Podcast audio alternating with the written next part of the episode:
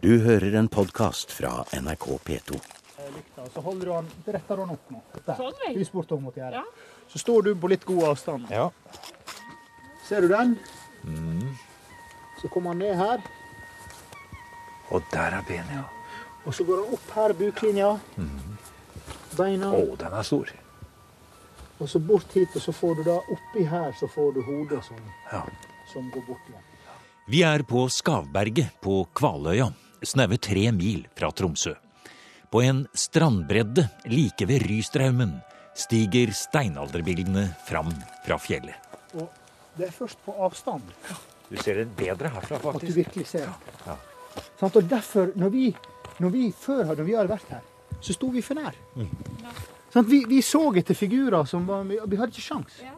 Og, vi, har, vi har vært vant til å se også, og uh, kjenne med fingrene hvor, hvor går de huggete linjene. Og det er, men sånn som den her må du ha god avstand faktisk for å se. Ja, Magne, du kan du få lov til å holde den for meg? Ja, jeg skal- jeg skal- jeg skal- også få se på Skal du få se på den òg? Ja. Vi har med sterkt lys og med kyndig hjelp fra arkeolog Jan Magne Gjerde fra Tromsø museum skal vi forsøke å forstå noe av den kraften og uttrykket som fortsatt, etter 7000 år, er tydelig i strekfigurene av bjørner, rein og mennesker som pryder tre forskjellige bergflater her på Skavberget. Og den tradisjonelle tolkinga ved eh, Skaberg var jo det at dette her var en trekkplass over Rystrømmen eh, for, for dyr, da, gjennom den sesongmessige trekket på våren og høsten. Og det er ikke en tolking vi har slått fra oss. Men vi har mer å by på når det gjelder tolking i dag, pga. nye metoder, nye teknikker. Intensiv jobbing, så har vi da dobla antallet med figurer her på Skaberget. Så fra 25 figurer som var kjent på 50-tallet, så har vi i dag mer enn 50 figurer på disse her panelene.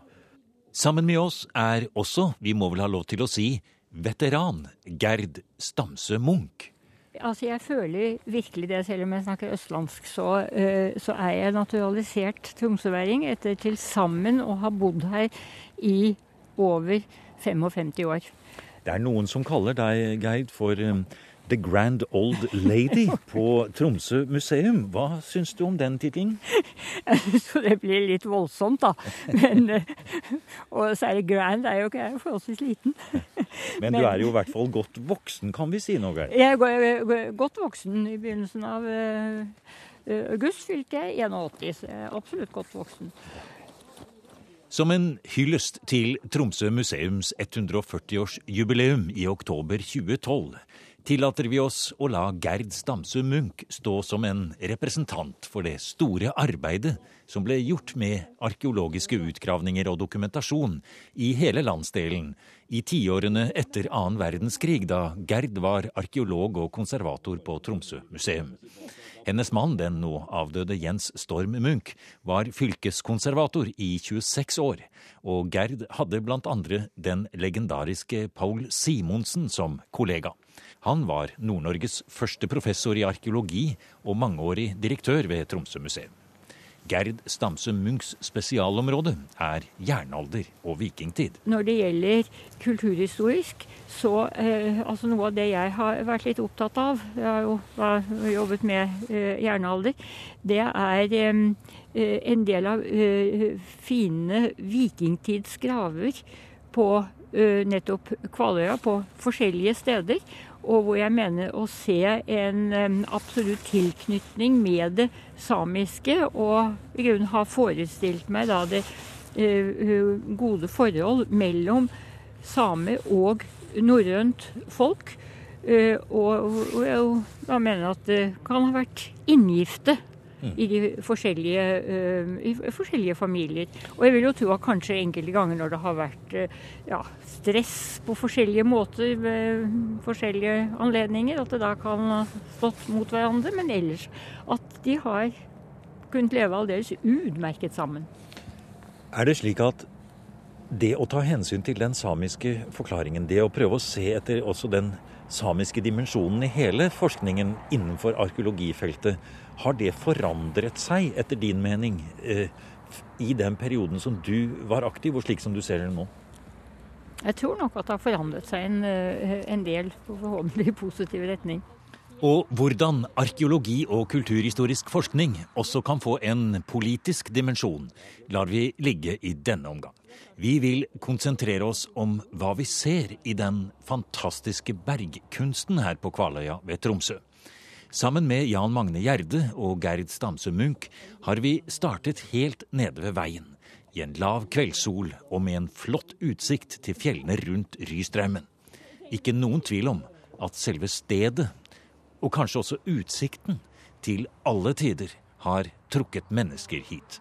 Ja, når de eh, laga veien her, så eh, fant de en boplass eh, der, som, eh, der som veien er på, eh, på 50-tallet. Og eh, den boplassen den hadde materiale fra tidlig metalltid, eh, yngre steinalder, som er ca. 4000 eh, år siden. Og det gjør at når han går på den veien, så går han faktisk der folk satt i strandkanten og koste seg og så utover Øystrømmen og levde livet sitt av for 4000 år siden. Det er klart, med den utsikten foran deg, og så noen helleristninger i bakgrunnen, hva mer kan han ønske seg? Ja, og la oss bare snu oss litt, så bare går vi dypt inn i historien igjen. For her står vi like ved den steinalderboplassen som er dekket av veien. Og her reiser fjellet seg opp. Men dette er ikke noe slett, fint fjell, sånn som man kan kjenne til granittfjell i andre steder. Dette er ganske ruglete fjellflate. Men se hvor flott vannet renner over noen av stedene der. Ja, det er fantastisk å se på. Det som, det som er veldig eh, flott med dette feltet her, som er virkelig spennende, er at det ser veldig ruglete ut. Men når helleristningene var laga, de her er laga for en sånn ca. 4000-5000 år siden, eh, så var faktisk berget helt glatt. Men det er tidens tann som har vitra eh, det berget her. Og hvis vi da går litt bort her, så skal vi se litt på det. Fordi at når vi kommer bort hit, så ser vi da at eh, helt nederst her så lå det litt jord og masse for en stund siden.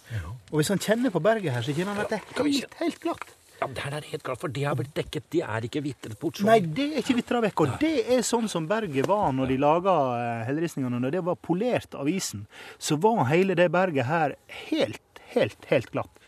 Og for noen flotte figurer det er, Geir. Vi står og beundrer det vi ser på det her. Eh, har du noen idé, tanke hva, hva er din reaksjon? Dette, her har vi vel en kanskje en, Noe annet her er det. Er det en hval, kanskje? Altså, jeg, jeg ser jo, eh, særlig på dette nedre, eh, eh, yngste feltet, så ser jo jeg, sånn som jeg lærte av Pål Simonsen, eh, hvordan disse ble tolket. Og jeg husker du snakket om, pekte på dette dyret her, med eh, selvfølgelig to ben foran og to ben bak. Det er jo rimelig. Men så er det to streker her også. Og det var, var Pauls tolkning at den hadde den, Det reinsdyret hadde gått da i en eh, fallgrav hvor det hadde stått piler opp, og så hadde det eh, falt ned på det og blitt, eh, blitt biddet. Der var også Pauls tolkning at den hadde gått i en felle, og derfor så det slik ut. Men det vi, det vi eh, hører her nå, Jan Magne, det er jo egentlig slik som Gerd eh, forklarte her nå. Så, så, så har man jo her et helt tablå, en tegneserie, en fremstilling, en kunstnerisk fremstilling av hvordan det er å arbeide med rein. Det, det er det. Og det, det som jeg tror har vært litt av problemet med helleristningsforskninga, i hvert fall de siste 20-30 åra, at enten så skal det være rent funksjonalistisk, det skal være sånn som jakten opptredde, eller så skal det være rent religiøst. Det er ikke noen kobling mellom det.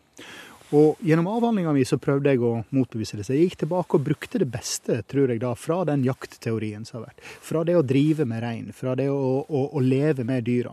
Men samtidig så har det et religiøst aspekt eh, der han drev med ritualet, som, som Gerd er inne på her. Og det er jo, det er jo klart at den blandinga som vi har i dag, der vi skiller veldig mellom, mellom natur og kultur, vil ikke de ha hatt i steinalderen. Og, og på det ene feltet her oppe så kommer det veldig tydelig fram, så det, det skal vi høre litt mer om om en liten stund. Da skal vi gå oppover eh, den veien. Ja. Nå følger vi etter Ja, Magne her. Han trekker ut ledningen og går med lys i handa her. Og her finner vi en ny flate. Se her, ja. Jan Magne Gjerde tok sin doktorgrad i 2010 ved Universitetet i Tromsø med en avhandling om sammenhengen mellom bergkunst og landskap i en studie som omfattet hele det nordre Fenno-Skandinavia. Han har besøkt de fleste bergkunstfeltene fra steinalderen i det nordlige Russland, Finland, Sverige og Norge. Og her er vi på Jan Magnes hjemmebane på Skavberg på Kvaløya ved Tromsø. Og Hvis du ser på det eldste feltet her, og det yngste som ligger nede ved veien der vi stoppa i stad, så er det kanskje snakk om at de har laga helleristninger her i 5000 år gjennomgående. Men, men, vi har ikke funnet alt.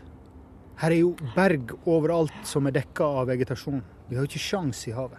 Så det er jo eh, mest sannsynlig en veldig stor plass Skaberg òg, men en god del er nok skjult for oss i dag. Hvis du skulle beskrive disse figurene som er på dette fjellet, la oss, la oss ta det litt her, Jan Magne. For jeg må si det er så vakkert, det er så flott, det er så spesielt. Og de, de trer frem så fint i det vi lyset kan, vi har her. Vi kan begynne med de ja. Eh, figurene her, som er, to, eh, som er to menneskefigurer.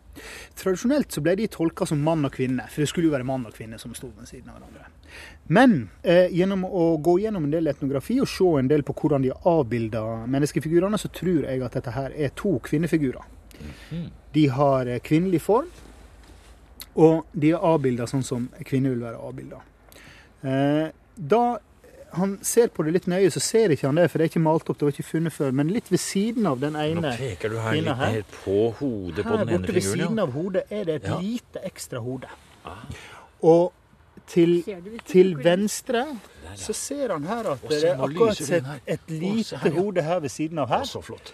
Og ved siden av denne her er det en stor sånn um, Omtrent som ei sånn rituell tromme eller en stokk som de har brukt. da. Og hvis du da tenker på at det her kan være sjamaner, så er dette her tror jeg da er en kvinnelig sjaman som prøver å komme i transe gjennom å bruke denne store tromma som, som står ved siden av. Blant kulturer i Sibir og i det sirkumpolære området så er det sånn at uh, vi ser at de da kan ta form av andre dyr. De går på flyturer. De ser verden gjennom reinsdyr, gjennom eh, fugler og lignende, og de kan fly over landskapet. Sjamaner kan fly. De kan se ting som skjer på andre plasser. Og Her tror jeg det er en sånn omskaping der den ene kvinna der mm. står med hendene ut til sida, litt heva. Sånn som du gjør nå. Sånn som jeg gjør nå. Omtrent som en slags sånn tilbeding for å komme i transe. Ja. Og så har hun kommet i transe. Og det han ser da, er at det er samme figuren, tror jeg. Hvis du ser på hendene her, så er ikke det hender. Men det er, det er fugle, det er vinger. Hun er i ferd med å fly. Så det her er en sjaman sin reise over landskapet som er avbilda på dette berget. Det er takeoff. Det er takeoff. Det er helt utrolig. Og når du først ser det, da, da er det helt rått. Så dette tror jeg er en avbilding av en sjaman, altså en kvinnelig sjaman sin åndelige reise, der hun gjennom transe går inn i den andre verden. Og Hvis vi da ser på de sprekkene i berget, så er det bare én annen sprekk. Så hun er faktisk på vei inn i berget. Helt fantastisk. Så berget har vært helt bevisst? Helt bevisst. For en flott holdning. Det er som blir rent eh, oppløftet av det. Plutselig så får jo disse figurene et, helt, et liv som er så ja. Så skal vi gå litt lenger bortover langs berget her. Så skal vi se, Det er noen små figurer eh, som er litt uforklarlige. Og sånn. Ja. Og så står det her en figur som har blitt tolka på en litt uh, rar måte. Men denne her ble nok uh, mistolka på, på 50-tallet. Og, og, den ser veldig annerledes ut sånn som den ser ut i dag. Og det jeg skal gjøre nå, nå skal jeg stille meg sånn som den store menneskefiguren står foran. Og så skal jeg prøve å vise tolkinga av den. Dette her er da en mannsfigur. Nå går du helt inntil helt fjellet og stiller deg inn til fjellet. Så ser du at armene mine ut går ut der som armene til den store sjamanen. Og da er det sånn at hodet er avbildet her. Man ser ikke de lyset som vi har nå, men når vi bruker nattlys eller er her tidlig på morgenen eller sent på kvelden, så ser han at eh, helleristningen kommer fram. Da står det en menneskefigur med armene ut, hever hodet og ser oppover på vei på sin flukt. Og så vet han det at eh, mennesket kan ta form. Sjamanene kan ta form av dyr. Karakteristikken av dyr. De kan bli en dyr. De transformerer seg til et annet dyr. De tar egenskapen til dyret. Du er sterk som en bjørn, stor som en elg. Og det som skjer her, er at ved siden av her er det avbilda en bjørn. Så det som skjer her, er at idet han går i transe, Legger han seg ned, blir en bjørn og er på vei inn i den andre sprekka inni berget her. Og da skjer det en ny transformasjon, der den sjamanen er på vei inn i berget, inn i den andre verden på innsida av berget. Det er helt utrolig. Utrolig. For en flott tolkning. Vi er litt på sporet kanskje av noe her. Tror vi begynte å nærme oss. Ja. Jeg tror, jeg, jeg, tror det. Ja. det. Det som er fascinerende, er jo da alle de nye figurene her er kommet til de siste fem åra pga. Eh, god finansiering til, til bergkunstprosjektet, som har klart å fjerne vegetasjon eh, som eh, lav og mose. Og så det at det har blitt jobba intensivt her med å prøve å dokumentere dette feltet på nytt. Men det som også jeg syns er så fascinerende Du har nevnt flere ganger Jan Magna, at du sammenligner dette med eh, forskning og andre typer figurer, felt, som du har sett i Russland. Ja. Tenker de annerledes på bergkunstforskning der? Og hva slags bergkunst er det der, i den delen av Russland du har vært? Altså, likheten mellom helleristningene i Russland og helleristningene i Norge er veldig stor. Nå er det sånn at eh, De eldste helleristningene i Nordvest-Russland er ca. 7000 år gamle. Men hvis du ser på de i Alta og de ved Kvitsjøen, så viser de en enorm stor likhet. Det er, eh, det er både ritualer og det er hverdagsliv, blanda i en god miks. Du har bjørnejakt, du har reinsdyrjakt, du har hvaljakt ved Kvitsjøen. Og, og det er klart at eh, det at de fokuserer på å avbilde ting som har vært sentralt i deres samfunn, ser vi da på feltene. Det er stor likskap i båtene. Du har elghodebåter der, der stammen på båten, en slags skinnbåt lignende Umiak, er avbilda som en elg. Og de finner du kun i det nordlige Fennoskandia. Så kun i Nord-Norge, Nord-Sverige, i Finland og i Nordvest-Russland. Så det er helt klart et østlig trekk. Eh, den måten å ha båter på, avbilde båter på. Helt til forskjell fra de andre. Og når folk snakker om at eh, helleristningsbåtene er en tradisjon som kommer sørifra De eldste helleristningsbåtene i Sør-Norge og i Sør-Europa, de er 2500-3000 år gamle, ca. Sånn røft. Ja. I Alta er de 7000 år gamle.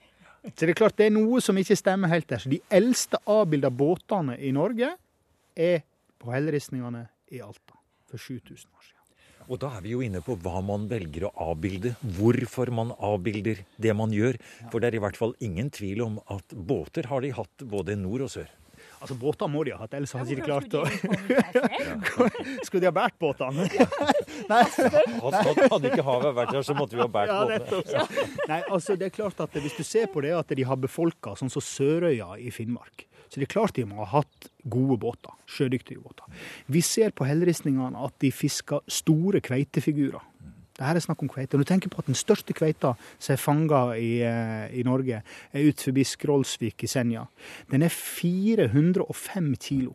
Fire meter stor. det Den drar fort ned en båt, ja. det er ikke noe, så Du må ha et eller annet som er kraftig for å få tak i det her. Sant? Og det er klart at eh, De hadde veldig gode båter. Og umiakkene til unitene ville ha vært veldig like de båtene de har hatt her oppe, sånn som vi ser på hellristningene. Og en sånn båt kan frakte to tonn. Så det er ikke bare å ta med seg et par fisk. Det her er snakk om ting de kan flytte hele grupper i båt fra ett sted til et annet i den mobile livsstilen de hadde i steinalderen. Og der de levde av jakt, sank, sanking og fiske. Ja. For det her, de her helleristningene her er jo fra den tida før jordbruket kom til.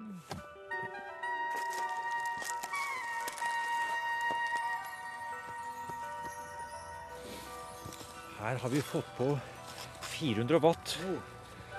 Nå ser du hodet. Helt kryper vi helt inntil veggen her. Ja. Og så legger du lyset helt flatt oppi. Altså. Og så trer det frem et helt annet liv.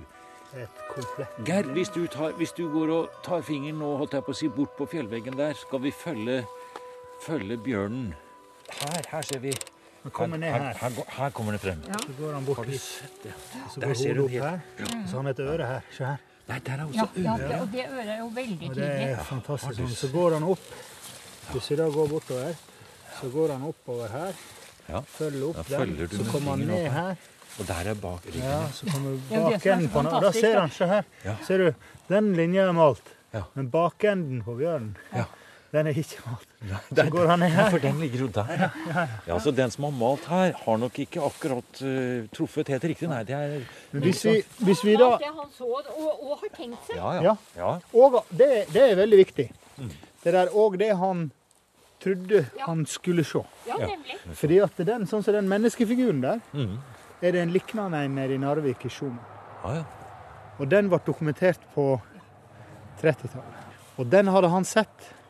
Så kom han ut hit, og så tror jeg da at når han da så ting som begynte å likne, Ja. så ble det veldig greit Ja. å se at det var den type figur.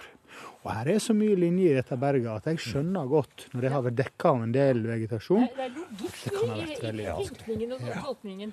Her Ja. ser han da en bjørnefigur som var kjent. bjørn Og så hadde vi ned. sett noen linjer opp her mm. som ikke var helt klare, og så noen linjer her bak. Ja. Så kom vi ut hit en uh, sein høstkveld. Kom ut hit, jeg har gledd meg til å se feltet, og så finner vi den figuren. Og så sto vi lenge foran nesten. Det kan ikke være sant. Vi trodde ikke på det. Vi sto her lenge. Det var ingen som trodde på det. Vi sto her lenge. Kan ikke være sånn. Folk har vært her i 60 år. Og sett på det berget, og de har ikke sett det. Det kan, ikke, det kan jo ikke være det. Så begynner vi å følge linjene, og så markerte vi. Så ser vi bakdelen. Så kommer ryggen opp på bakdelen, så kommer her. Kommer rygglinja opp, så får vi her. Toppen på eh, elgen oppe på nakken. Så går han ned her, fram mot hodet. Ah. Og her ser han da Den lille biten der har de sett. Mhm. Så ser du her har han faktisk åpen munn. Akkurat som han har sprunget. Og da har du plutselig en én, to, tre meter stor elg som er hogd. Fullt på størrelse med de slipte figurene. Og denne har nok endra en del av oppfatninga på hvordan vi ser på datering i forhold til stil og måten de lager helleristninger på. Det, er- det går ikke an å beskrive. Det gikk frysninger nedover ryggen på meg. jeg sto her foran, og, vi, og det, det, det gikk litt tid før du liksom aksepterte at det, at, at det var der. Det, det, vi måtte tegne den opp. Og så tok vi, tok vi bilde av den. Da har vi altså funnet ikke den største, men kanskje den nest største elgen i Europa som er avbilda. Altså i Nord-Europa, da. Fantastisk. Og det på et berg der det har stått Jeg vet ikke hvor mange arkeologer. Flere hundre arkeologer foran. Det er flott. Det er, sånn. det er herlig. Det er helt fantastisk. Jeg har kjørt 30 000 km rundt på Nordkalotten for å se på de figurene her. Og det er klart at Et av målene var jo å få det overordna blikket, og se om det var likskap eller ulikskap i feltene. Og, og, og alle felt har sitt særpreg. Det fins blant de her eh, jeg vet ikke 30 000 figurer kanskje fra steinalderen. Du har kanskje noe sånt som eh, 300 lokaliteter med, med tusentalls eh, panel eller felt eller bergvegger. Så fins ikke det to klin identiske. Så hvert eneste panel, hvert eneste felt, har sin egen historie. Men likheten er der. Som f.eks. båtreiser som er avbilda både i Alta og ved Vyg. Trekk ifra deres hverdagsliv og ritualer er der. Det finner vi igjen. Så det sier noe om stedet der de avbilda. Og på lik måte med det så er det enkelte ting som er overfokusert enkelte plasser i forhold til andre. Som da går på det jeg vil kalle regionale dyr. Hvis du ser på Vest-Norge, de rikeste hjorteområdene i hele Nord-Europa, så kommer du til Trøndelag. Sant? Der er mye elg. Og du har veldig mye sjøpattedyr langs eh, trøndelagskysten med fjordene, sånn som du har det der. Kommer opp til Nord-Norge, ekstreme mengder med reinsdyr. Fangstgjerde for reinsdyr, veldig mye reinsdyr. Rikeste områder for reinsdyr, mest sannsynlig. Og elg. Sant, som det var i steinalderen, for det var en helt annen vegetasjon i steinalderen. Så går du bort til Kvit, eh, Kvitsjøen. Der har du enorme mengder med hvithval. Sånn Det er avbilda 60 hvithvalfangstscener på ett område borte som heter Vyg, borte ved, ved Kvitsjøen, i nærheten av, eh, av byen Belomorsk. Og de avbilda hvaljaktere er oppimot 50 personer som jakter én hval. Og det er klart Når du har grupper og samfunn i steinalderen som kan samarbeide over 50 stykk på å jakte en hval, så sier det litt om den sosiale organisasjonen den samfunnet må ha hatt, og det samspillet de må ha hatt mellom grupper i, i steinalderen. Så de velger sine dyr, kanskje sånn som enkelte har valgt totemdyr, eller dyr til å tenke med, reise med, leve med. De levde livet sitt gjennom dyra. Og det gjør noe med landskapet som det står i? Ja, altså, altså de som har passert Skaberg etter i dag, har visst at det var helleristninger her. De har nok vært og sett etter det. Og det er klart, hvis du kommer til store plasser som Alta, der du har en 6000-8000 figurer, så det er en plass der folk lager helleristninger over 5000-6000 år. Og det er klart at Da vet folk at det er helleristninger. Det er noe spesielt som skjer der. Altså Her var en fortelling som var festa i berget. Det var noen som hadde fortalt den fortellinga. Og kanskje noen plasser lå allerede historien i berget fra naturens side. Her var en portal, her kunne du komme inn, her kunne sjamanene gå inn til den andre verden. Og Vi ser enkelte plasser at de bruker naturelement i berget for å fortelle historien, for å lage helleristninger. Så kanskje er det en sånn ting som da Der var historien allerede i berget. Vår historie er allerede i berget. Vi fyller inn figurene. Sånn, sånn som denne her store bergsprekken her, der Ja, de har laga dette her. Sant? Der ligger allerede en historie i berget. Og se nå så fint den kommer fram når du legger lyset inntil her nå. Vi står i skumringen her, og det blir så flott. Og se hvordan det stiger fram. Det har jo nesten en sånn mytisk kraft i seg ennå, selv om vi står og ser på det med et moderne menneskes blikk og på en måte helt noe annet. Ja, Det er ganske fascinerende å tenke på at for kanskje for 9000 år siden så sto det noen folk her og sa at det her skal stå her. Det skal være her til ettertida. Du har nå hørt programmet Museum som podkast fra NRK. Museum sendes i NRK P2 på lørdager og søndager.